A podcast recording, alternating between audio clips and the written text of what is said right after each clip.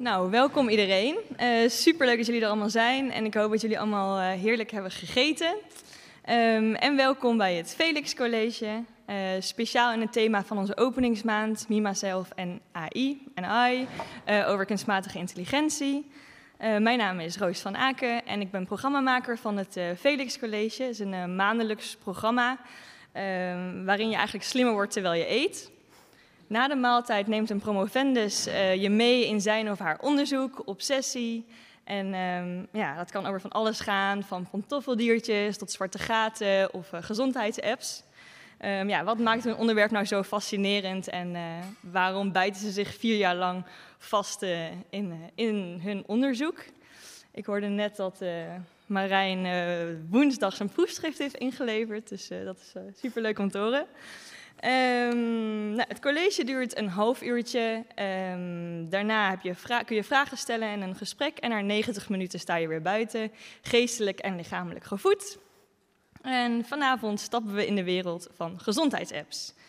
Uh, Marijn Saks gaat vertellen over, gaat vertellen over uh, hoe apps die ons helpen onszelf gezonder te maken ook gedrag kunnen beïnvloeden. Uh, waar, maar waar ligt dan de lijn tussen eh, behulpzame bemoeienis en gebruikersmanipulatie? En hoe zouden we om moeten gaan met de machtspositie van deze datagedreven online platforms en diensten? Nou, ik ben in ieder geval heel erg benieuwd uh, wat uh, Marijn gaat vertellen. Dus de floor is yours. Ja, dankjewel. ja, ik heb dus afgelopen woensdag mijn proefschrift ingeleverd. Dus ik heb de afgelopen dagen vooral op de bank en in bed gelegen en niks gedaan. Dus ik moet even weer opstarten. Uh, maar vergeef mij als ik af en toe me verspreek uh, en als ik een beetje moede uitzie. Um, ik heb maar even heel lui de titel van mijn proefschrift, uh, waar ik nog niet heel blij mee ben, dat komt misschien over een paar jaar. It's Between Empowerment and Manipulation. Um, heb ik even ingevoegd. En de titel is hopelijk een goede samenvatting van wat ik wil vertellen. Dus mijn proefschrift gaat over gezondheidsapps, maar gezondheidsapps zijn ook eigenlijk een metafoor, een voorbeeld van een bredere tendens, namelijk online of digitale keuzearchitecturen die ons gedrag steeds beter leren kennen en kunnen beïnvloeden. En daar ligt al een soort van spanning in, in verscholen tussen aan de ene kant empowerment en aan de andere kant misschien manipulatie. Dus vandaar de titel. Uh, en ik heb dit, um, ja, ik had bijna een soort van McKinsey-plaatje uh, gekozen. Het is natuurlijk een beetje overdreven. Uh, iemand die uitstekt over de, over de stad met allerlei mooie lichtjes en datapunten of apps. Um, ik denk dat we niet onderuit kunnen. En je hoort het ook vaak dat we leven in een digitale samenleving. En dat is wat mij betreft ook helemaal waar. Uh, maar voor heel veel mensen komen daar heel veel verschillende intuïties bij kijken. Dus wij hadden ongeveer vier, vijf jaar geleden hadden we de big data hype, zou je het kunnen noemen. Toen was opeens alles big data. Alle consultancyfirms deden big data. Alle vakken aan de UvA en aan de VU en waar dan ook moesten over big data gaan. Uh, we moesten allemaal over big data lezen, of big data. Uh, toen kwamen de algoritmen. Ze moesten allemaal, alles waren opeens algoritmen. Dus zelfs uh, de AH-bonuskaart was een algoritme. Uh, het inschrijfsysteem van de UvA was een algoritme. En weet ik wat was een algoritme. Nu gaat het over AI of artificial intelligence. nu is alles AI en alles is AI-powered en alles is AI. Ehm, voor al die dingen geldt dat het natuurlijk een beetje waar is, maar ook misschien een beetje niet waar. Het is natuurlijk ook deels weer van dezelfde snelle mensen van McKinsey die daar overal AI op plakken. En dan is opeens alles AI. Voor mij uh, betekent de digitale samenleving, of wat ik er interessant aan vind, is het feit dat in de digitale samenleving eigenlijk alles wat wij doen steeds meer plaatsvindt in en middels en door en via digitale keuzeomgevingen. Dus als je eventjes heel flauw een uh, standaard dag van jezelf erbij pakt, dan kun je waarschijnlijk zeker zes van deze diensten afvinken. En dat zijn allemaal keuzearchitecturen die zijn ingericht om jouw keuzes te begrijpen, bij te houden en te sturen. En dat is natuurlijk niet per se fout, maar zoals je ook kan zien aan de logo's die ik heb ingevoegd, zullen zij ook allemaal zo hun eigen kleine specifieke belangen hebben die niet per se gelijk opgaan met die van jou. Uh, dus zelf ben ik vandaag, denk ik, uh, ik ben op Google Maps geweest. Ik ben in de App Store geweest, omdat ik nog even snel een gezondheidsapp wilde downloaden voor screenshots, die ik weer had weggegooid toen mijn proefschrift af was. Uh, maar daar moest ik toch weer even aan uh, geloven. Ik heb uh, natuurlijk Google gebruikt, omdat ik normaal gesproken Startpage gebruik, maar daar kon ik net niet vinden wat ik wilde vinden. Dus dan ben ik toch maar even naar Google gegaan. Ik heb Netflix gebruikt, ik heb Steam gisteravond gebruikt, ik heb Funda gebruikt en dat was het denk ik vandaag. Oh, in de New York Times om te lezen over Trump. Ik gok dat de meeste mensen in de zaal ook ver komen met dit lijstje. toch zeker vijf minimaal. Um, maar de boodschap is eigenlijk, we gebruiken deze diensten de hele tijd. En zelfs uh, als je er even goed over na dan gebruik je ze waarschijnlijk nog veel meer dan je beseft. En dat zijn allemaal keuzearchitecturen waar, zoals in een artikel in volgens mij de Verge of New York Times stond, het is eigenlijk jou of jij tegen 500 uh, eh, weggekochte slimme breinen van, uh, van uh, grote Amerikaanse universiteiten, die allemaal zijn ingehuurd om jou binnen die omgeving te houden en jou binnen die omgeving te manipuleren. Dus het is niet zomaar dat de New York Times er zo uitziet als die eruit ziet. En het is niet zomaar dat de voorpagina van Netflix er zo uitziet zoals die eruit ziet. Dus voor mij gaat het om die keuzearchitecturen in de digitale samenleving die ons gedrag leren kennen en kunnen sturen en dat we die steeds meer gebruiken. Uh, zijn er mensen die toevallig deze documentaire al hebben gezien? Twee? Nou, nou, dat is toch nog wel een vrij goede score. Ik heb hem nog niet gezien, maar al mijn collega's wel. En ik heb ook wel reviews gelezen. Dus um, uh, ik kan je niet het narratief precies vertellen van de kinderen. Maar ja, de meeste mensen zullen hem gezien hebben. Een nieuwe Netflix-documentaire. Eigenlijk precies over wat ik net schets. Over het feit dat Silicon Valley, die al onze online platforms voor ons maakt, dat, die, dat daar toch een aantal uh, tech bros hebben ingezien dat ze misschien eerst hadden moeten nadenken en daarna een zak geld van Facebook hadden moeten accepteren. Maar wat zij wel goed schetsen, denk ik, is uh, eigenlijk dat we leven in de tijd van de keuzearchitecten. Eigenlijk is de hele documentaire een soort van coming-of-age story van Silicon Valley en hoe zij eigenlijk bijna per ongeluk enorm veel macht hebben verworven. Omdat zij opeens in een positie zaten, natuurlijk niet opeens, maar bijna opeens, alsof er niks uit het niets zo gebeurde, waarbij zij opeens eigenlijk alles maakten waar wij onze dag uh, via leefden. En opeens dus eigenlijk ons gedrag in handen kregen en dat konden gaan sturen. Um, dus wat dat betreft zou ik zeggen dat dit inderdaad de Age of the Choice Architect is. En wat je dan ook ziet is, denk ik, de volgende belofte die in al die online diensten bescholen ligt. En de belofte is eigenlijk heel simpel. Wij gaan jou helpen. En hoe gaan we dat doen? Uh, dat is eigenlijk ook heel simpel. Je moet ons gewoon heel veel geven. Niet alleen data, waar het vaak over gaat. Data is heel belangrijk. Maar je moet ons ook toegang geven bijna tot jouw psychologisch profiel, want wij gaan die data gebruiken om jou te leren kennen. En als we jou dan hebben leren kennen, dan hebben wij ook toegang tot jouw gedrag. Want jij hebt ons op je telefoon of met je laptop eigenlijk altijd bij je. En wij hebben toegang tot jou. Wij kunnen jouw push-notificaties sturen. Wij kunnen jouw vrienden push-notificaties sturen. Wij kunnen jou op social media bijhouden. En zo kunnen wij, door jou beter te leren kennen, vanwege alles wat jij ons geeft, kunnen wij jou gaan helpen om jou gelukkiger, jouw dag makkelijker in te richten, om je beter te maken, whatever. In ieder geval, wij gaan jou helpen. Dat is de belofte en dat is de deal die we maken. En de vraag die je denk ik daarbij kan stellen is, is dat er eentje van empowerment? Dus het is ook heel makkelijk dat we al die dingen kunnen doen. Dat is heel fijn. Um, maar er zit denk ik ook in die belofte meteen al, um, zitten ook al de condities voor manipulatie verscholen. En daar ga ik straks meer over zeggen, maar dat is denk ik de spanning die we zien. Dat diezelfde condities die de empowerment mogelijk maken, ook in zichzelf al de condities voor manipulatie dragen. En dat is waarom je eigenlijk bijna inherent in een soort van ongemakkelijke spanning terechtkomt. En daarbij spelen natuurlijk ook de belangen van die diensten een grote rol. Um, Oké, dus dat is het, ik zou zeggen, brede plaatje waarbinnen ik eigenlijk die gezondheidsapps zie als een belangrijk uh, element daarvan. En die gezondheidsapps zijn denk ik een uitermate interessant voorbeeld van deze grote uh, problematiek of uitdaging van de digitale samenleving.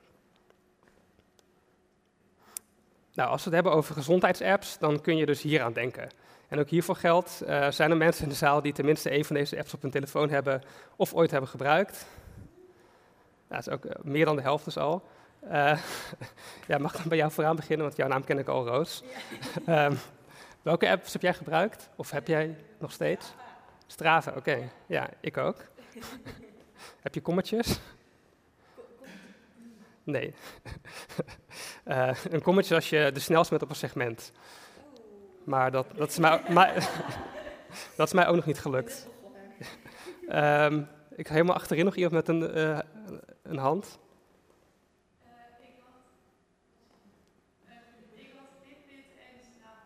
Oké. Okay. En als je Strava gebruikt of hebt gebruikt, ervaar je dat dan als uh, prettig, fijn? Ja, het is inzichtelijk wat je hebt gedaan. Ook al weet je ook wel wat je hebt gedaan. Ja. Dus het, het bevestigt je gevoel of zo. Dus ik vind het zo wel fijn als inderdaad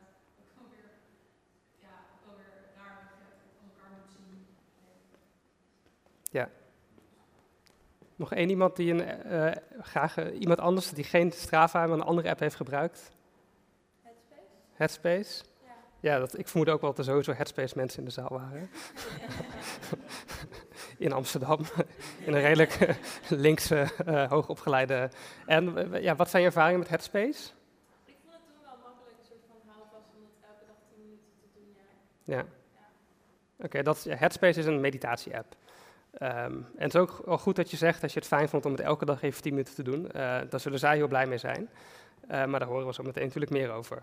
Eh, nou, dit zijn dus allemaal apps en die hebben niet 10, maar vaak zelfs 100 miljoen gebruikers of meer. Dus mijn fitnesspel zit volgens mij op 200 miljoen of 220 miljoen tegenwoordig. Headspace die zitten volgens mij al door de 50 miljoen. Ehm Livesum zaten een tijd geleden rond de 10 miljoen of al meer. Het is allemaal een beetje onduidelijk, want het is allemaal natuurlijk corporate secrecy. Dus ze zullen nooit precies zeggen hoeveel ze er hebben. Maar eh, het gaat om tientallen, zo niet honderden miljoenen. Dus het is ook een fenomeen wat, denk ik, wel wat gewicht in de schaal legt. Het zijn niet meer eh, een paar Silicon Valley nerds die af en toe met een app eens even willen kijken hoe het met hun gezondheid gaat. Dat zijn hele grote, en dat is belangrijk, ondernemingen. Eh, het is gewoon big business. Alle populaire gezondheidsapps in de App Store die je kan vinden, zijn allemaal gewoon commerciële ondernemingen die geld willen verdienen aan jouw gedrag. Ehm, en ik ga niet vertellen dat eh, kapitalisme slecht is en dat het feit dat ze geld willen verdienen in zichzelf al een probleem is. Maar je ziet wel dat specifiek in de gezondheidsapp-context er wel extra veel vragen opkomen. Omdat je altijd die spanning hebt tussen jouw gezondheid en daarvan profiteren. En zonder je gezondheid kun je niet. Zonder je gezondheid ben je letterlijk dood. En je hebt het op zijn minst nodig voor een fijn leven. Dus daarom dat, denk ik, hier veel van de scherpe randjes van de digitale samenleving extra naar voren komen. En waarom het ook zo'n eh, ja, fijn onderwerp is om over te schrijven, omdat je veel goede voorbeelden kan noemen. Ehm, nou, om het even nog kracht bij te zetten, al inmiddels vijf jaar geleden, ik denk dat het inmiddels kun je het makkelijk als een koopje bestempelen, eh, heeft Under Armour, dat is vooral in Amerika groot, die maken vooral sportshirtjes. Eh, voor bijna een half miljard hebben ze MyFitnessPal gekocht. Eh, en ze kochten er ook nog Endomondo en de Map My Something Something, en daar is een hele familie van. Voor in totaal bijna een miljard dollar hebben ze gekocht. Ehm, dus als een, een, een, maker van sportshirtjes zoveel geld wil neerleggen, dan weet je ook dat er iets aan de hand is en dat er ook iets te verdienen is. Ehm, dus gezondheidsapps zijn big business. En als je dan bijvoorbeeld kijkt, je hoeft niet dit allemaal te lezen hoor, ik ga het zo meteen nog even groter maken. Als je bijvoorbeeld de app van Garmin installeert, dan zie je ook dat je, hebben ze een functie ze erg willen pushen, Garmin Insights. Dat is de functie die jou gaat leren en jou gaat laten inzien hoe, je hoe jij je leven leeft, hoe je dat kan verbeteren. En daar vatten ze eigenlijk perfect de soort van belofte van de digitale samenleving samen. Ik had het zelf niet mooier kunnen opschrijven. Dus ze zeggen, eigenlijk zeggen ze letterlijk, geef ons alles en wij geven jou wat terug. Dus ze zeggen, more data means better insights. Dat is heel duidelijk. It's no surprise, the more information you have, eigenlijk dus we have, the easier it is to find patterns. Want die gaan zij voor je vinden. Uh, to get the best picture of your health, sleep and movement, wear your Garmin all day, every day and night. Altijd. Uh, with more data, you will get more meaningful insights. Dat is dus een functie. To help you identify areas you would like to improve and meet goals you've been working toward. Dit is denk ik het perfecte, perfecte voorbeeld van de belofte. Geef ons alles en wij gaan jou helpen. Um, dus die belofte zien we hier ook. En de, de spanning die we dus voelen is, komt denk ik deels voort uit het feit dat gezondheid zo extreem belangrijk is. Um, er zijn inmiddels heel, heel, heel, heel, heel veel boeken uh, verschenen, zowel uh, in de marxistische als in de Foucauldiaanse, als in de meer uh, digital humanities, als gewoon in de ethiek en de filosofie. Heel veel boeken verschenen over wat gezondheid eigenlijk is, maar ook wat het belang daarvan is. Uh, het is niet alleen interessant om je af te vragen wanneer een lichaam gezond is, maar het is ook heel erg interessant om af te vragen wat gezondheid sociaal en cultureel voor ons betekent. Uh, en zeker nu er heel veel gezondheidsapps en van die activity trackers opkomen, zie je dat er heel veel wordt geschreven over de vraag, of over de stelling, dat gezondheid daarmee niet alleen inzichtelijk wordt en meetbaar, maar ook iets wat je, um, waarvoor je opeens de tools in handen hebt om jezelf gezond te maken en dat daar ook een verwachting aan gekoppeld wordt. Uh, je kan jezelf toch gezonder maken als jij via je werk uh, je aanmeldt voor een proefabonnement Headspace.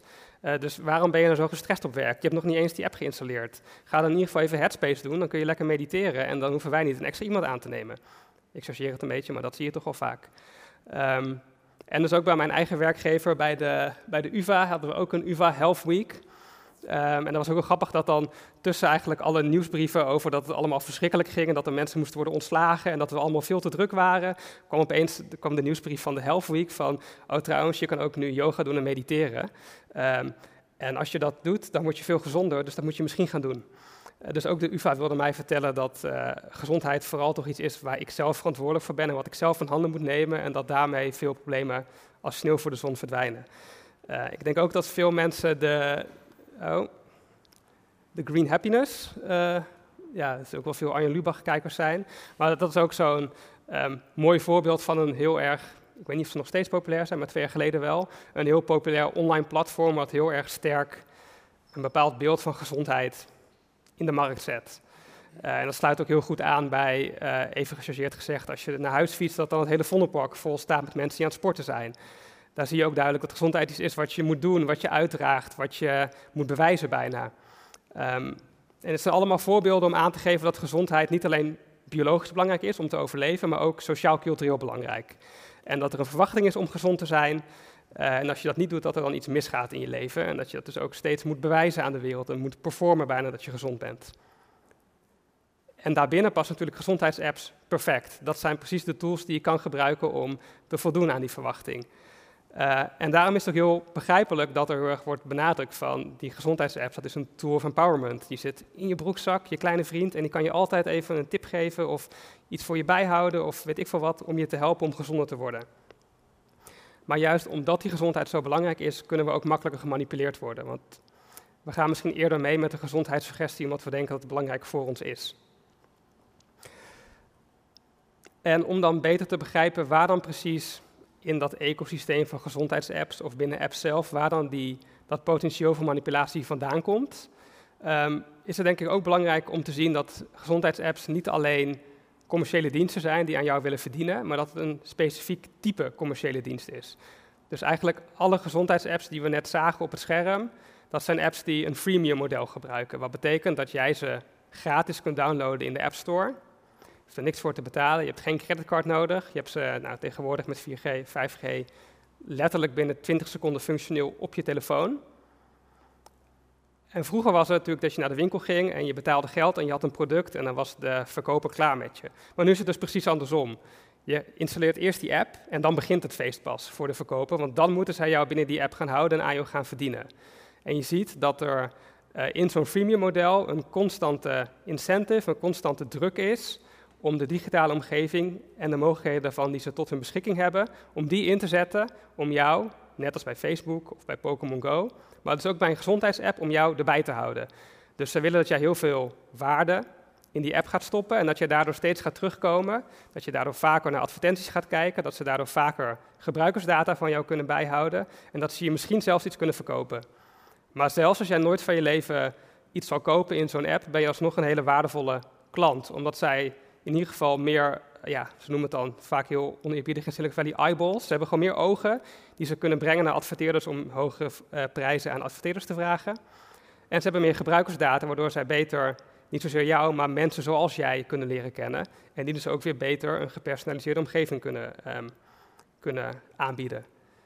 Dus dat zijn eigenlijk heel veel woorden om te zeggen. Zodra je een gratis app installeert, hebben zij er een constante pressure om jou te engagen in de termen van Silicon Valley. Om je erbij te houden, om je wakker te houden, om je elke dag weer eventjes weer een push-notificatie te sturen van hey, je hebt de afgelopen tien dagen heb je geheadspaced, uh, je wil je streak behouden. Ik weet niet of Headspace dat echt doet, uh, maar wil je je streak behouden, kom dan even terug, want dan, uh, dan kun je weer verder. Dus dat zie je heel duidelijk in zowel reguliere apps zoals Pokémon Go, maar ook zeker in gezondheidsapps. En ja, als we dan bijvoorbeeld naar Headspace gaan, dan zie je dus ook dat Headspace um, Headspace, als jij het installeert, willen ze met jou een bestendige commerciële relatie opbouwen. Maar de beste manier om dat te doen is niet door te zeggen, we willen met jou een bestendige commerciële relatie opbouwen. De beste manier om dat te doen is door de allerbeste uh, um, uh, ontwerpers uit te nodigen en er een hele uh, eigenlijk niet prikkelende, niet commerciële omgeving van te maken. Dus als je de Headspace-app gebruikt en naar de website gaat, is het is bijna, ja, bijna een meditatieve ervaring op zichzelf. Het ziet er allemaal heel ja, rond en zacht en schattig en lief en fijn en ja, in het Engels unobtrusive. Uh, ja, je kan er bijna geen aanstoot aan nemen. Het ziet er allemaal geweldig uit. En ook de, de, de interface van de app is heel fijn en zacht. Uh, heel weinig functionaliteiten, weinig knoppen, weinig afleiding. Ook in lijn natuurlijk met de, het meditatieve doel van de app. Um, en heel veel ja, fijne, warme beloften over wat, wat de app voor jou gaat doen. Uh, en het is belangrijk om te zeggen dat het zeker ook kan werken. Het is niet zo dat ik zou beweren dat alle 50 miljoen gebruikers van, uh, van Headspace volstrekt gemanipuleerd worden en allemaal een verschrikkelijke tijd hebben. Helemaal niet zelfs. Maar zelfs in Headspace, wat bijna het ultieme voorbeeld is van een app waar je niks tegen kan hebben, een paar meditatieoefeningen gratis, who cares. Zelfs daar zie je al dat, dat er eigenlijk ja, aan de achterkant heel veel gaande is waar we best wel wat tegen in zouden kunnen brengen. Um, er is één probleempje. Eigenlijk alles uit Silicon Valley, daar kun je niet bij, want dat is allemaal super geheim en dat zijn hun business secrets waarmee zij, dat is de secret juice waarmee ze geld verdienen, dus daar kun je niks mee. Um, dus een kleine workaround die ik soms gebruik, die niet, dat is niet een methodologie op zich, maar dat is wel een handig, vind ik altijd handig, is om te kijken naar de advertenties voor uh, de, de, de vacatures. De vacatures die ze hebben, want dan zie je precies wat ze nodig hebben op welk moment en wat ze gaan bouwen. Um, dus als je dan bijvoorbeeld kijkt naar een strategic account executive, uh, dan ziet dat er heel anders uit dan als je naar de homepage gaat als consument. Uh, zou ik in ieder geval willen betogen dat het net wat anders is. Dus je ziet bijvoorbeeld dat ze heel eerlijk zeggen dat ze um, uh, heel erg op de emotie willen spelen. Ze willen iemand hebben die, um, ja, ik zal het voor jullie samenvatten hoor, dat is natuurlijk niet heel goed te lezen. Ze willen iemand hebben die heel goed het emotionele verhaal kan verkopen aan klanten, van waarom science en meditatie zo fijn is. En ze willen ook iemand die er eigenlijk helemaal op geënt is om puur systemen te bouwen waar mensen zo lang mogelijk en zoveel mogelijk in zitten. Dus je kan je afvragen, wat heeft dat eigenlijk met meditatie te maken als je gaat proberen om mensen zoveel mogelijk in die app te doen? Want volgens mij is een van de problemen dat je te veel op je telefoon zit. Zou je kunnen afvragen. Maar goed, aan de achterkant is dat dus niet zo. Ze willen gewoon zoveel mogelijk gebruikers die zo lang mogelijk in de app zitten en zo lang mogelijk blijven plakken. Um, wat eigenlijk niet verrassend zou moeten zijn, want zo werken die apps om geld te verdienen, maar het is wel goed om te zien. Um, en ze zijn ook constant op zoek naar data scientist. En daarvoor is uh, eigenlijk het enige, een van de hoofdmoten van hun werk is dat die gewoon constant experimenten moeten opzetten. Dus ik denk dat iedereen, of bijna iedereen, veel mensen in de zaal, we hebben gehoord van AB-testen. Uh, dus dat is dat je eigenlijk een van de beloftes van digitale keuzearchitectuur is dat je er gewoon 10.000 tegelijk kan maken die verschillende gebruikers zien onder verschillende omstandigheden. Dus je kan eigenlijk experimenten naast elkaar draaien. En je kan gewoon op basis van alles wat mensen doen bijhouden wat wel en niet werkt. Dus ook Headspace zoekt constant mensen die, zij, die, die Headspace, de, de bazen, helpt om constant experimenten te draaien en gewoon te kijken welke knop moeten we waar plaatsen, welke push-notificatie, bij welke demographic werkt er onder welke omstandigheid, om mensen vijf seconden langer in de app te laten. En dan is het, interesseert ze echt geen reet dat ik, Marijn Saks, vijf seconden langer in de app zit. Waar het om gaat is dat ze gewoon op geaggregeerd niveau, dat de patronen van gedrag die ze zien, dat die een beetje verbeteren. Want uiteindelijk gaat het niet om wat ik ervan vind of wat jij ervan vindt, maar uh, wat gewoon het geaggregeerde gedrag bij elkaar opgeteld is. Um, dan zie je ook meteen waarom privacy niet per se het belangrijkste is, want het interesseert ze niet wie ik ben. Het gaat erom dat het gedrag van de groep aan zich uh, kan worden geoptimaliseerd. Uh, nou, dus wederom heel veel woorden om te zeggen dat gezondheidsapps uh, bijna allemaal freemium zijn en dat zij een permanente bestendige commerciële relatie met jou willen opbouwen. Uh, en dat dat vaak de vorm krijgt van het proberen jou engaged te houden met de app. En het zijn toevallig, gelukkig, digitale keuzearchitecturen waarbij zij, net als bij Facebook en bij social media, de best en de brightest uit Silicon Valley en uit MIT en van Cornell Tech en van noem ze maar op, van alle topuniversiteiten kunnen inhuren om alle mogelijkheden die zo'n die zo'n uh, omgeving biedt in te zetten om jou binnen die app te houden. En de hamvraag is dan dus uh, wat er nou eigenlijk geoptimaliseerd wordt in zo'n omgeving. Uh, de belofte aan de voorkant is dat jouw gezondheid geoptimaliseerd wordt. We are there for you. Jij gaat die Garmin dragen, jij gaat die app installeren en wij gaan jou beloven dat jij gezonder wordt. En dat is ten dele waar. Maar wat er eigenlijk geoptimaliseerd wordt, is puur de economische waarde van jouw gedrag. Ehm, en dat is dus op zichzelf een spanning, zou ik zeggen. Dan is dus eh, de vervolgvraag. Ik ben filosoof, dus ik wil natuurlijk ook iets zeggen over wat we hiervan moeten vinden dan.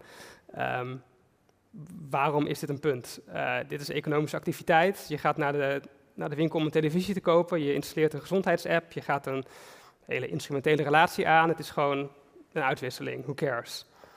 Um, ten dele waar. Het is niet een anti-kapitalisme argument. Maar er is hier natuurlijk wel wat anders aan de hand. Vroeger ging je naar de winkel om een televisie te kopen en was het vrij duidelijk wat de situatie was. Het was een fysieke winkel, er stond een televisie, die had een prijs. Je kon erover nadenken en dan kon je beslissen, ja, wil ik of nee, wil ik niet. Uh, tegenwoordig leven we in digitale keuzeomgevingen die veel meer van ons weten dan vroeger de winkelier, die um, ons een gepersonaliseerde ervaring kunnen aanbieden. Dat kon vroeger ook niet, de winkel was voor iedereen hetzelfde. En die ook, wat we ook zo meteen gaan zien, um, veel beter weten wat onze, onze kwetsbaarheden zijn. Hoe zij specifiek voor specifieke individuen kwetsbaarheden kunnen uitbuiten om bepaald gedrag te stimuleren. Um, dus voor, voor zij, en ik heb het vaak gehoord, die zeggen, ja, wat is nou het verschil tussen de winkel en de gezondheidsapp? Volgens mij is dit een essentieel element, dat deze online keuzearchitecturen andere eigenschappen hebben dan de oude winkel waar we naartoe gingen. Um, ik ga niet mijn hele proefschrift samenvatten, maar ik denk dat één uh, belangrijk concept dat we hiervoor kunnen gebruiken is het concept manipulatie. Um, daar is verrassend weinig over geschreven. Je vindt in de jaren, binnen de filosofie dan, je vindt in de jaren 70 uh, eh, in een paar goede journals vind je een paar artikelen over manipulatie. Dan heel lang niks. Dan in de jaren 90 een heel goed artikel en dan begint het uh, de afgelopen jaren weer een beetje op te komen. Um, en dat is eigenlijk heel raar, want als we gewoon in onze alledaagse, alledaagse taal het concept manipulatie gebruiken, gaat dat heel probleemloos. En we gebruiken het best wel vaak. Dus ik, ik, ik manipuleer nu dit door ruimte en tijd. Dat is een heel descriptieve concept van manipulatie. Uh, we zeggen ook bijvoorbeeld dat de Amerikaanse verkiezingen misschien gemanipuleerd zijn door Cambridge Analytica of hoe, hoe dan ook. Um, dus we zeggen ook dat abstracte instituties gemanipuleerd worden. We zeggen het ook op een liefelijke manier. Dus ik kan mijn vriendin manipuleren en dan denken we, ah, schattig, misschien. Um, maar dat is niet per se heel slecht. Althans niet in ons alledaagse taalgebruik. Um, maar goed, in de filosofie kun je er ook voor kiezen om een wat meer normatief, ethisch concept van manipulatie te gebruiken. En ik denk dat dat heel relevant is om die intuïtie te capturen, te vangen, dat er iets mis kan gaan in deze online keuzearchitecturen. Um, dus je zou bijvoorbeeld kunnen zeggen dat manipulatie gaat om het infiltreren van iemands besluitvorming op een manier waarbij jij bepaalde kwetsbaarheden die je veronderstelt of die je kent, te ge, dan wel misbruiken, op een enigszins verdekte manier iemands gedrag te sturen voor je eigen gewin. En ik denk dat als we manipulatie zo definiëren, en daar zijn hele goede redenen voor die in mijn boek staan, um, dat we dan ook kunnen zien wat er mis kan gaan in gezondheidsapps. Um, waarbij ik nog even moet zeggen, als natuurlijk goede filosoof, dat er asterixen staan bij bepaalde concepten. Dat komt bij nog veel meer. Maar als ik bijvoorbeeld heb over kwetsbaarheden, gaat het eigenlijk over alles wat de manipulator zou kunnen gebruiken om mij een kant op te sturen. Dus dat kan zijn dat ik onzeker ben over mijn schoenen, of dat ik uh, allergisch ben voor paprika, of dat ik uh, een, uh, weet ik veel, een moedercomplex heb, of dat whatever. Dat maakt eigenlijk helemaal niet uit. Het gaat om alles wat gebruikt kan worden om jouw gedrag te sturen, zou ik willen zeggen. Um, en je, ziet denk ik ook dat, je ziet hier ook beter waarom het in de gezondheidsapp-context zo mis kan gaan. En dat je misschien zelfs kan spreken van een perfect storm. Um, want als er nou iets aan de hand is in de gezondheidscontext, is dat we te maken hebben met dus een, een ja, groot goed, onze gezondheid, um, die ons allemaal heel dierbaar is. En dat is ook precies een soort van voedingsbodem waar je kwetsbaarheden kan vinden om mensen op een vrij uh, ja, goede, efficiënte, bestendige manier te manipuleren. Uh, voor ja, ons bijna allemaal geldt dat we op, op enige wijze gedurende de dag over onze gezondheid nadenken. Al is het niet als we naar de koelkast lopen of als we beslissen of we wel of niet moeten sporten. Uh, en het wordt dus ook, zoals ik al eerder zei, in onze cultuur heel erg uh, dominant gemaakt. Dat het gaat om gezond leven, dat het belangrijk is. Dat je, is bijna dat je een moreel wezen bent als je gezond bent. En als je immoreel bent als je niet gezond bent. Dus dat is een hele goede voedingsbodem, juist om van die manipul manipulatieve commerciële strategieën te, te ontplooien. Um, en als we dus het met mij eens zijn, zoals ik zou willen betogen, dat gezondheid zo belangrijk is, dan is er denk ik ook iets extra ergs aan de hand als je dat gaat misbruiken voor commerciëel gewin. En dan vooral ook op een manier die dus achter de rug om deels verdekt plaatsvindt.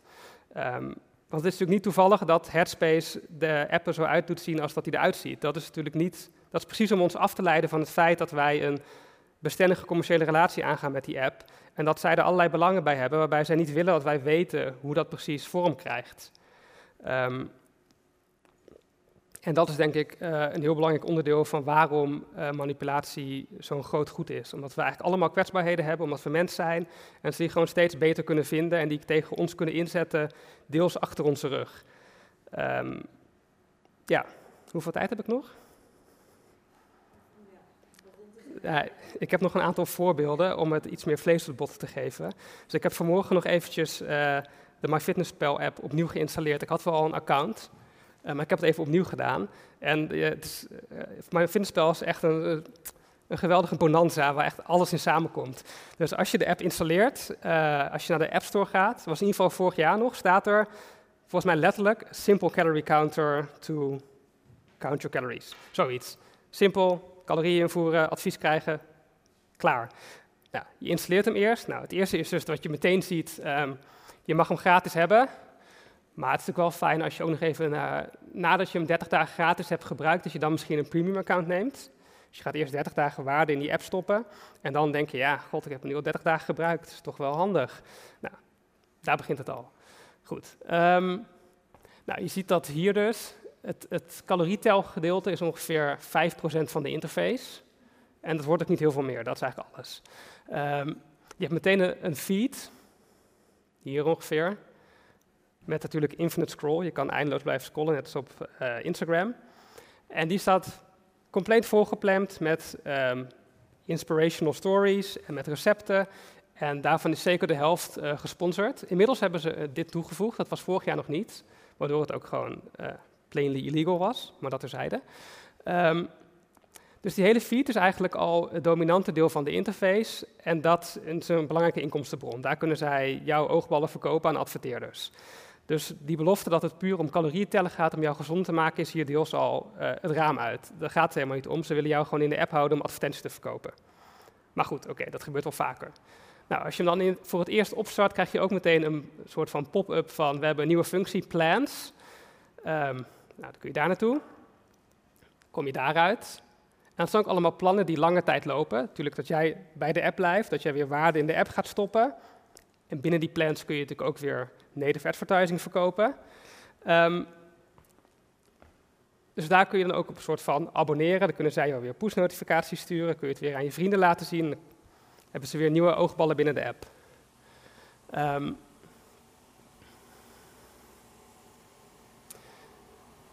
dan zie je hier ook, wat ook interessant is, is dat ze dus ook uh, challenges hebben. Dat is ook weer zo'n klassieke feature om jouw uh, waarde in de app te laten storen. En daar zie je weer dat het niet heel toevallig is dat uh, Under Armour de app heeft gekocht. Want ze kunnen nu ook Under Armour sportkleding aan jou gaan verkopen in de app. En dat komt goed uit, want ze vertellen je ook in die feed, die jij de hele tijd dominant in je scherm ziet, krijg je 80 miljoen berichten per dag van hele mooie mensen die allemaal Under Armour, uh, ja, de logo's kun je net niet zien, die allemaal Under Armour kleding aan hebben dat sporten heel belangrijk is. Dat je dat moet doen om niet alleen gezond te blijven, maar ook om je gelukkig te voelen, om succesvol te zijn. Um, en daar kunnen ze natuurlijk makkelijk uh, kleding bij verkopen. En hier zie je dat trouwens ook weer. Bovendien kunnen ze je ook nog um, uh, koptelefoons verkopen voor tijdens je workout. En dan kunnen ze weer playlists laten sponsoren door, uh, um, door um, uh, artiesten. Die dan ook weer uh, wat bekender worden bij het grote publiek. Want ja, toch 200 miljoen mensen die die app gebruiken. dit is dan mijn laatste slide. En je ziet dus ook als je naar de... hier zo, als je hierop klikt, krijg je de sidebar. En dan krijg je dus alle functionaliteiten. en dat zijn ook allemaal weer submenu's met allemaal mogelijkheden om allerlei dingen bij te houden. Uh, allemaal ook vaak weer met componenten dat je je kan subscriben op iets of dat je, je een challenge kan aanvaarden. Ook allemaal om jou weer bij die, erbij te houden. En uh, ja, dat gaat dus heel lang door. Je kan ook nog hun andere apps installeren, want ze hebben natuurlijk een hele familie apps gekocht. Um, Maar goed, laat me, laat me afsluiten met te zeggen dat dit dus niet een simpele calorieteller is. Dat dit, deze app op zichzelf al een heel universum is, waarin je denk ik best wel veel van die, uh, wat ik een manipulatief potentieel zou willen noemen, terugziet. En daarmee is niet gezegd dat elke individuele gebruiker van MyFitnessPal volledig kapot gemanipuleerd wordt. Maar wel dat zij op, op, op populatieniveau, denk ik, best wel veel via onbewuste beïnvloeding veel gedaan kunnen krijgen. En dat dat op zichzelf al discutabel is, omdat we toch wel met iets te maken hebben wat heel belangrijk is, namelijk onze gezondheid. Uh, dus daar wil ik het bij laten.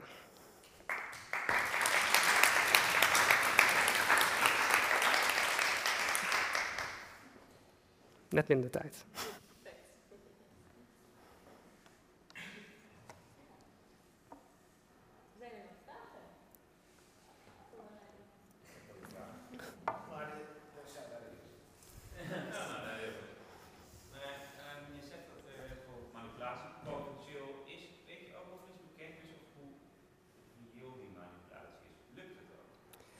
Um, nou, het eerlijke antwoord is dat we dat niet precies weten, omdat uh, ze alles tegen de borst houden. Dus ik kan niet in de back-end van die apps. Um, maar een, uh, ja, een, een, wat meer intuïtief antwoord, wat denk ik wel plausibel is, is dat het niet uh, toevallig is dat er steeds meer populaire gezondheidsapps komen, waar ook heel veel op wordt geboden, die steeds worden overgenomen.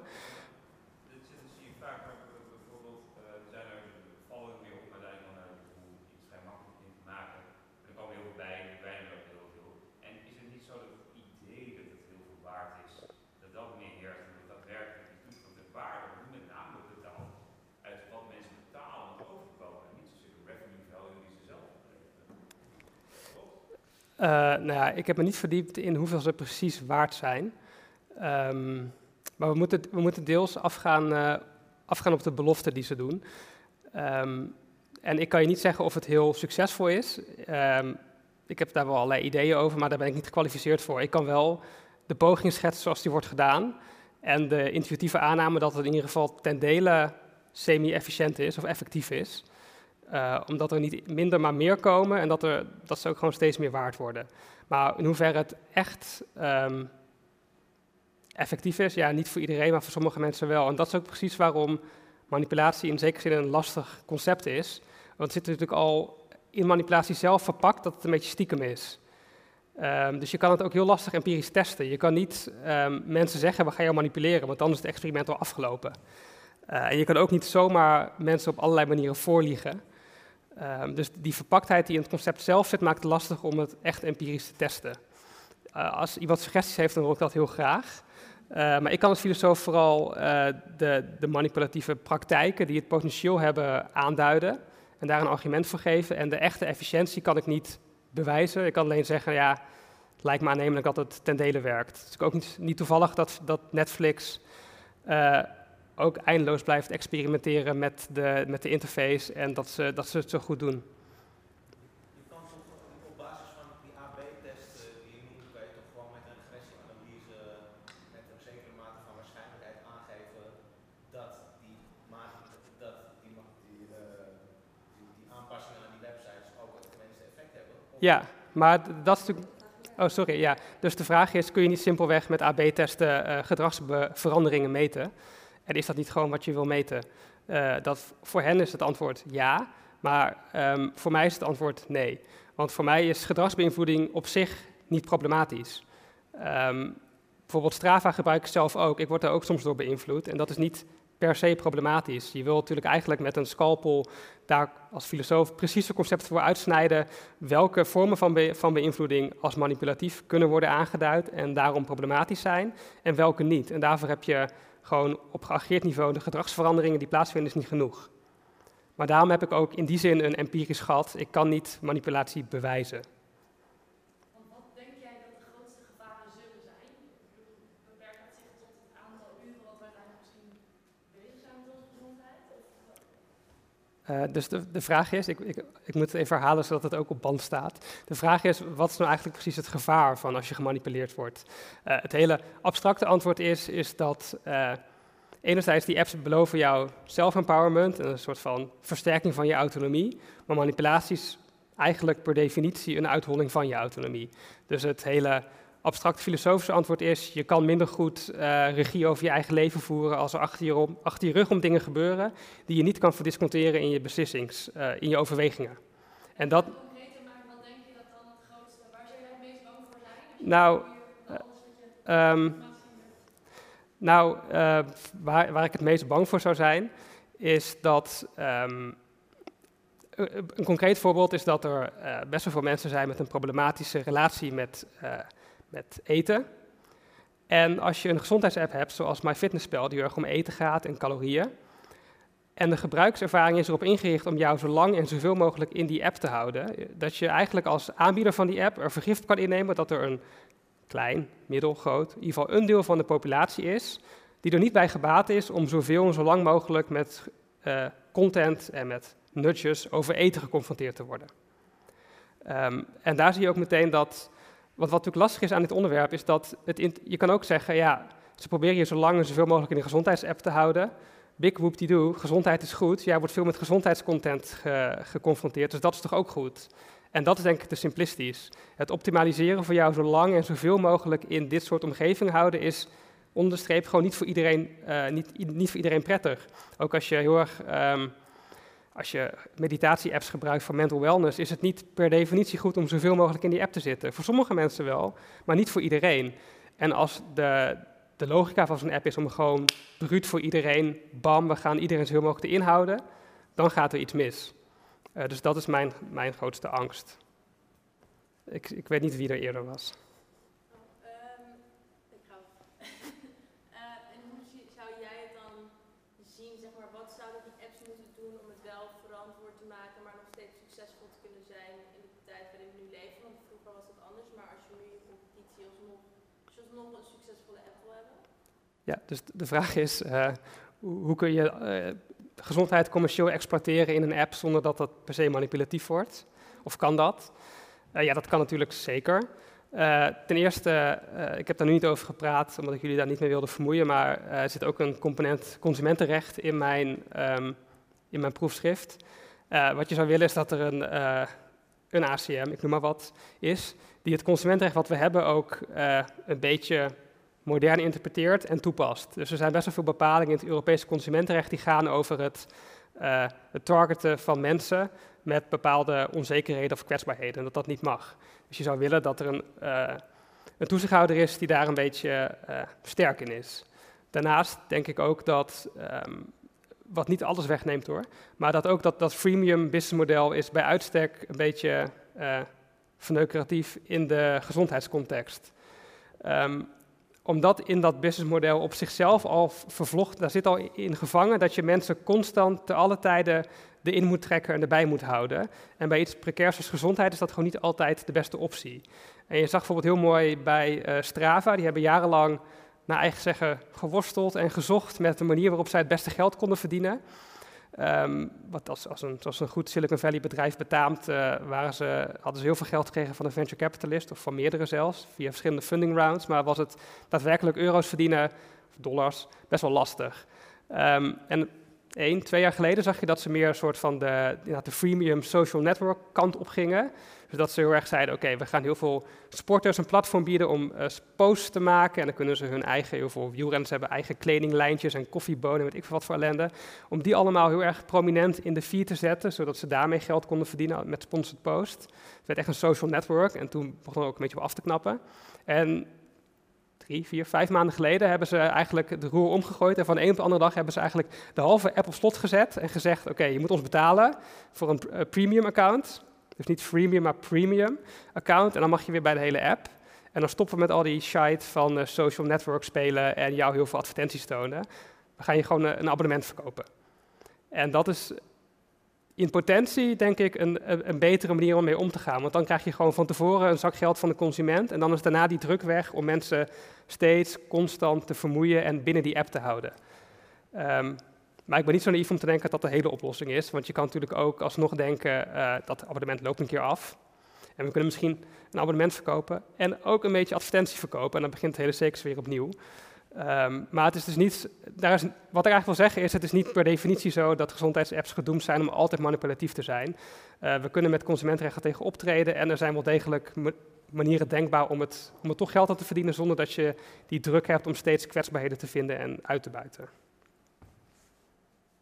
Ja? Ik vroeg me ook af, stel je bereikt al je body goals, dan is die app overbodig. Heb je ook dingen gevonden waarbij de app dus met opzet een ongezond advies geeft, zodat je dus nooit bij je doel komt? Eh, nee, eh, dus de vraag is, ehm, net als met dating apps, als ze te goed werken, dan uh, prijzen ze zichzelf uit de markt. Daar zijn alle mensen getrouwd en er is er geen single meer over. En is dat met gezondheid ook niet zo. Als je te goed gezondheidsadvies geeft, dan, uh, ja, dan ben je klaar en dan kun je naar de McDonald's sterven. Kun je gelukkig sterven op je 25ste met een sixpack. Um, er is een veel betere oplossing voor. En dat is namelijk dat je nog veel beter een gezondheidsideaal kan neerzetten, waarbij um, gezondheid nooit af is. Je hebt een Vlaamse filosoof, uh, ik ben zijn voornaam vergeten, maar zijn achternaam is De Vis aan elkaar. En die zegt, er is een soort van omgekeerde infinite logic.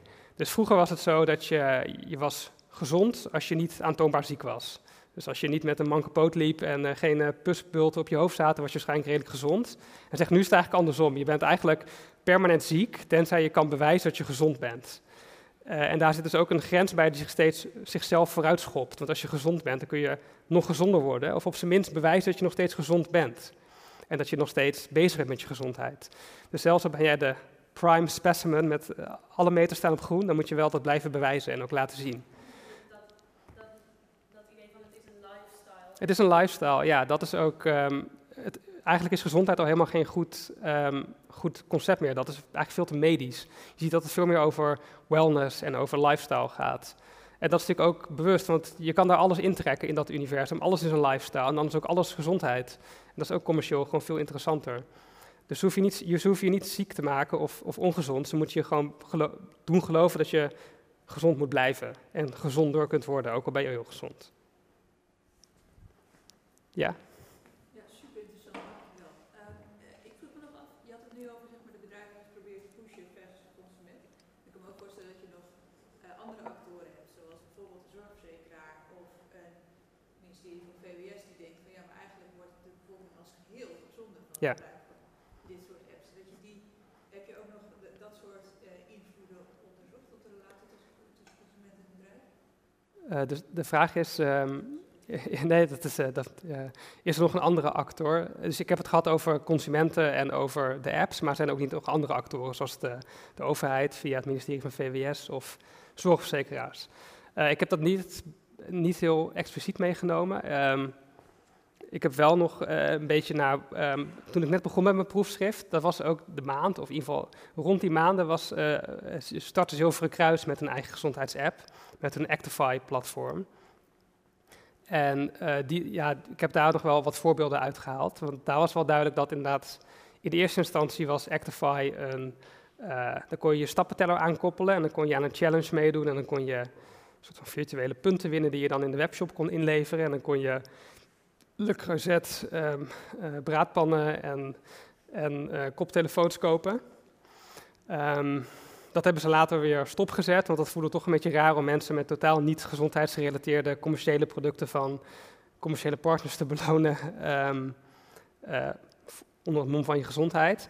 En ze hebben nu, ze zijn echt een soort van door een proces gegaan. Daarna werd het een, een meditatie-app volgens mij. Daar zijn ze na een half jaar mee opgehouden, want dat, dat voelde ook niet helemaal goed. Uh, toen is er nog iets geweest en ik ben even vergeten wat. En nu is het een, uh, een, een, een, soort van vitality coach die ze hebben.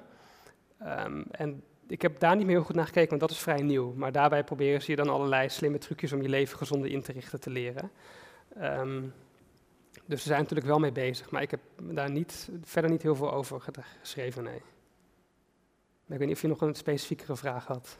Nee, het was meer, ik kan me voorstellen dat je ziet dat nu bijvoorbeeld met ANWB-verzekeringen, die proberen dan ook gegevens te krijgen over de manier waarop je rijdt. Ja.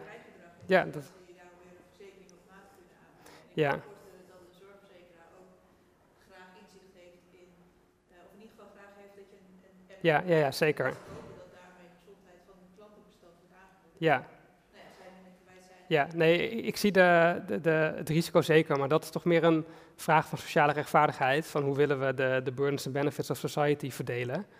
Eh, en dat is een super interessante vraag, maar dat, eh, dat was gewoon te veel. Eh, dit ging echt meer over beïnvloedingsethiek. Ehm, maar volgende, later nog een keertje wil ik graag over sociale rechtvaardigheid en verzekeringsethiek schrijven. Ja. Ik zag, nou, eigenlijk achter jou nog. Ja, ik had een reactie op, uh, Ja. juist. Uh, wat zij volgens mij hebben gedaan, ze lossen BV is, dus de data van die leefstijl-apps, die zit niet bij de zorgverzekeraar.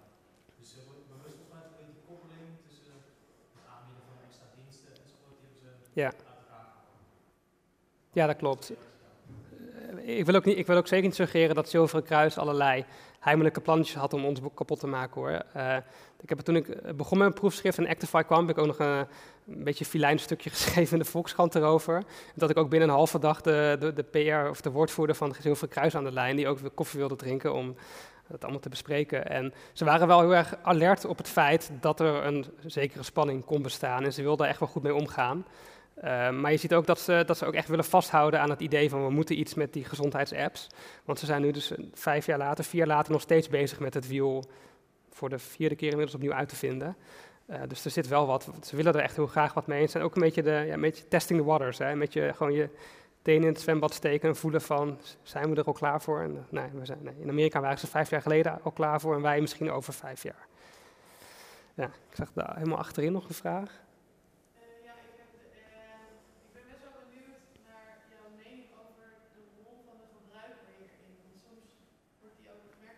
In principe ben ik dan wel een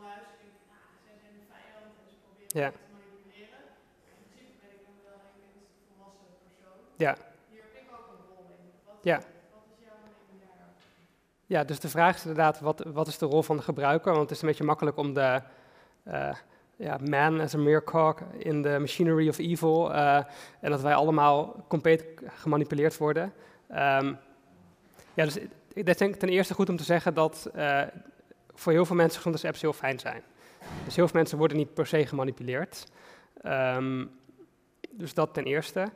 Ten tweede um, is het ja, is altijd een beetje een dooddoener, maar educatie, opvoeding, uh, mentale weerbaarheid, dat kun je al op de basisschool mee beginnen. Uh, dat je ook, het helpt al als je als consument je bewust bent van het feit dat er wat achter de schermen gebeurt. En dat is ook wel redelijk zo.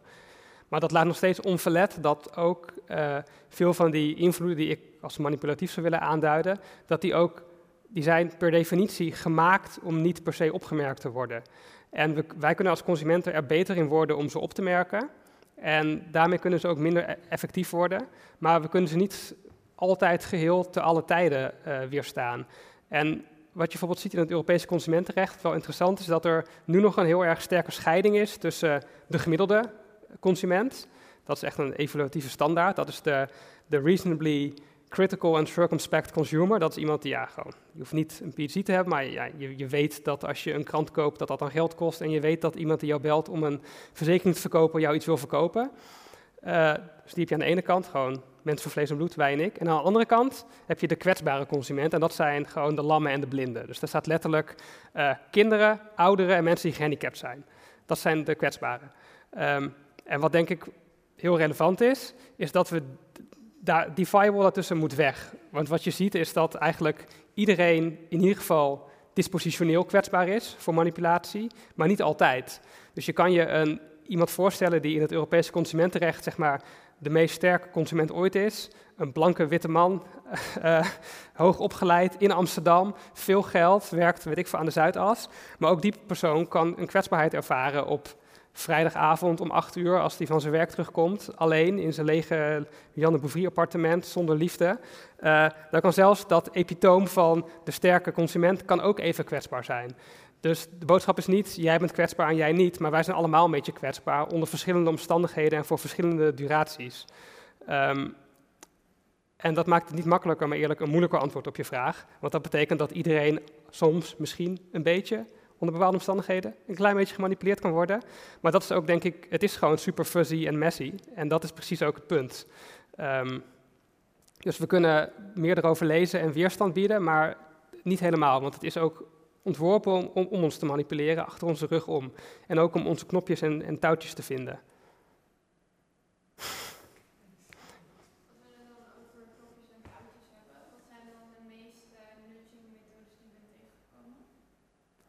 Eh, dus de vraag is eh, ja, welke, welke nudges ik het meest ben tegengekomen. Ehm, ja, ik, ik ben ook geen eh, UX-designer, dus ik heb niet, niet, niet expliciet studie naar gedaan. Maar ik denk, wat je vooral ziet is dat dus defaulting is heel... De dingen als default aanmerken in een app is heel groot. Dus dat je, dat je by default, bijvoorbeeld als je Headspace instelt, dat je dan by default meedoet aan een 10 dagen challenge of 10 dagen try. Dus dat ze je bij default al willen verleiden om waarde in die app te stoppen. Eh, en ook, wat je ook veel tegenkomt, is dat natuurlijk ehm, dingen waarvan ze willen dat jij ze snel doet, dat die prominent aanwezig zijn.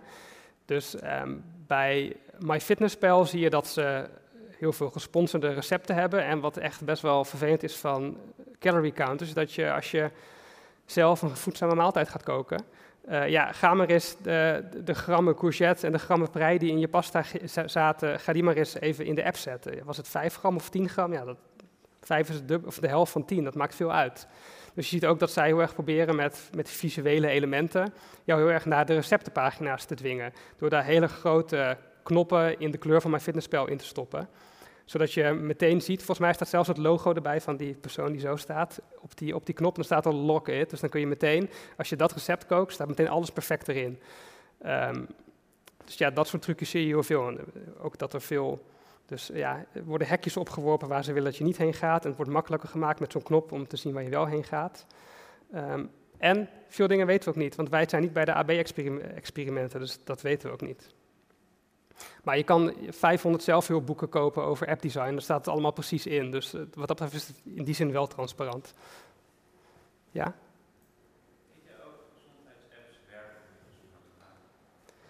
Ehm, ja, wederom niet mijn vakgebied. Ehm, ja.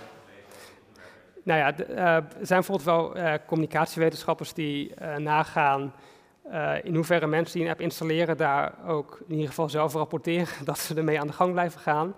En die, eh, de laatste keer dat ik het checkte, waren die eh, uitkomsten moi moi. Het is niet zo dat zeg maar 90% die een app installeert na vijf, vijf dagen er weer mee gestopt is, maar het is ook niet zo dat de helft het na twee jaar nog doet. Dus het is nog steeds best wel moeilijk om mensen op een hele bestendige manier heel erg hard met zo'n app bezig te laten zijn. Maar daar moet wel bij gezegd worden dat die apps vaak op meer soort van eh, medische apps eh, zitten.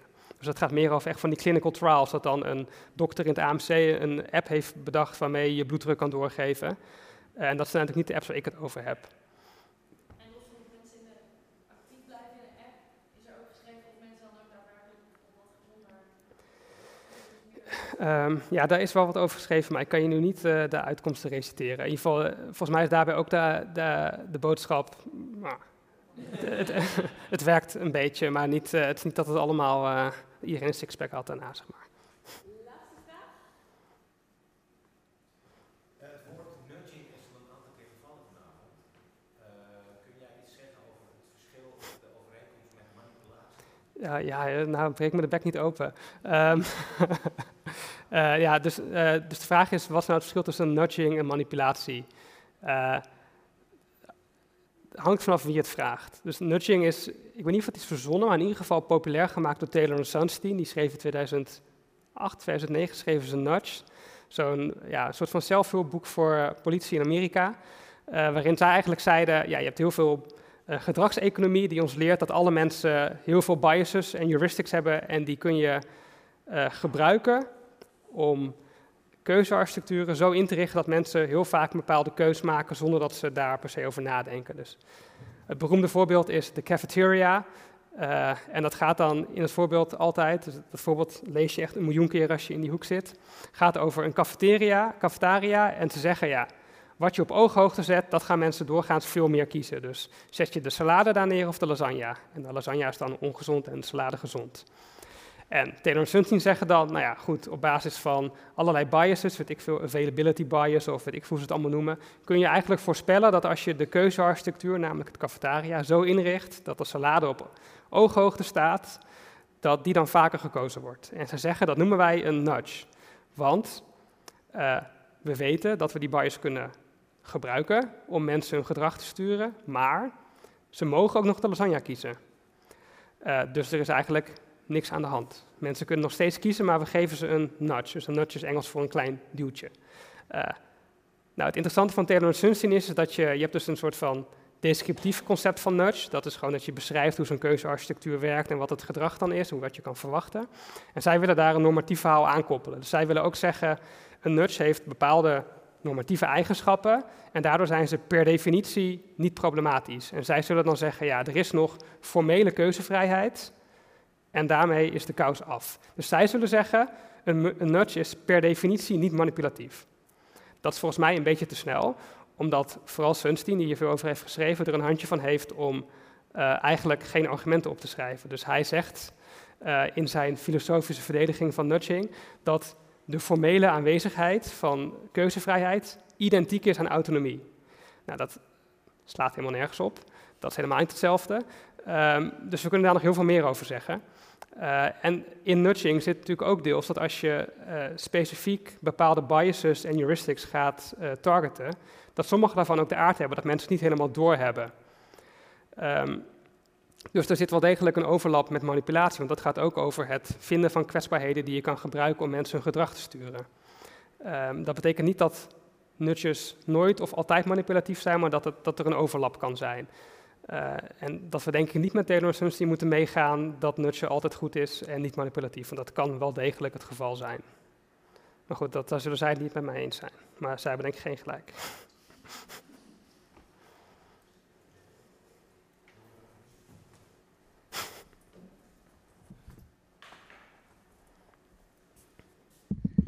Nou, uh, Marijn, super bedankt voor je fantastische college. Um, Um, ja, en ook iedereen in de zaal, super erg bedankt voor jullie komst. Um, en vonden jullie het nou ook zo'n leuke avond? Uh, kom vooral nog een keer, uh, namelijk op 9 november. We doen het maandelijks en dit keer gaat het over hoe Shell belasting gaat betalen. Diederik Stadig komt. En op het moment is er hier in Felix Meritus in het gebouw is er ook een expositie, samenwerking tussen uh, Foam en Felix. En dan kun je dwalen in de dwaalgang. dus ga daar vooral nog even een kijkje nemen. Um, het laatste wat ik nog wil, ene laatste wat ik nog wil zeggen is, uh, je kunt ook nog een drankje drinken bij de bar. Uh, maximaal drie mensen wel bij de bar in verband met corona. En uh, even op je plek opdrinken, maar ga vooral nog even lekker een drankje drinken.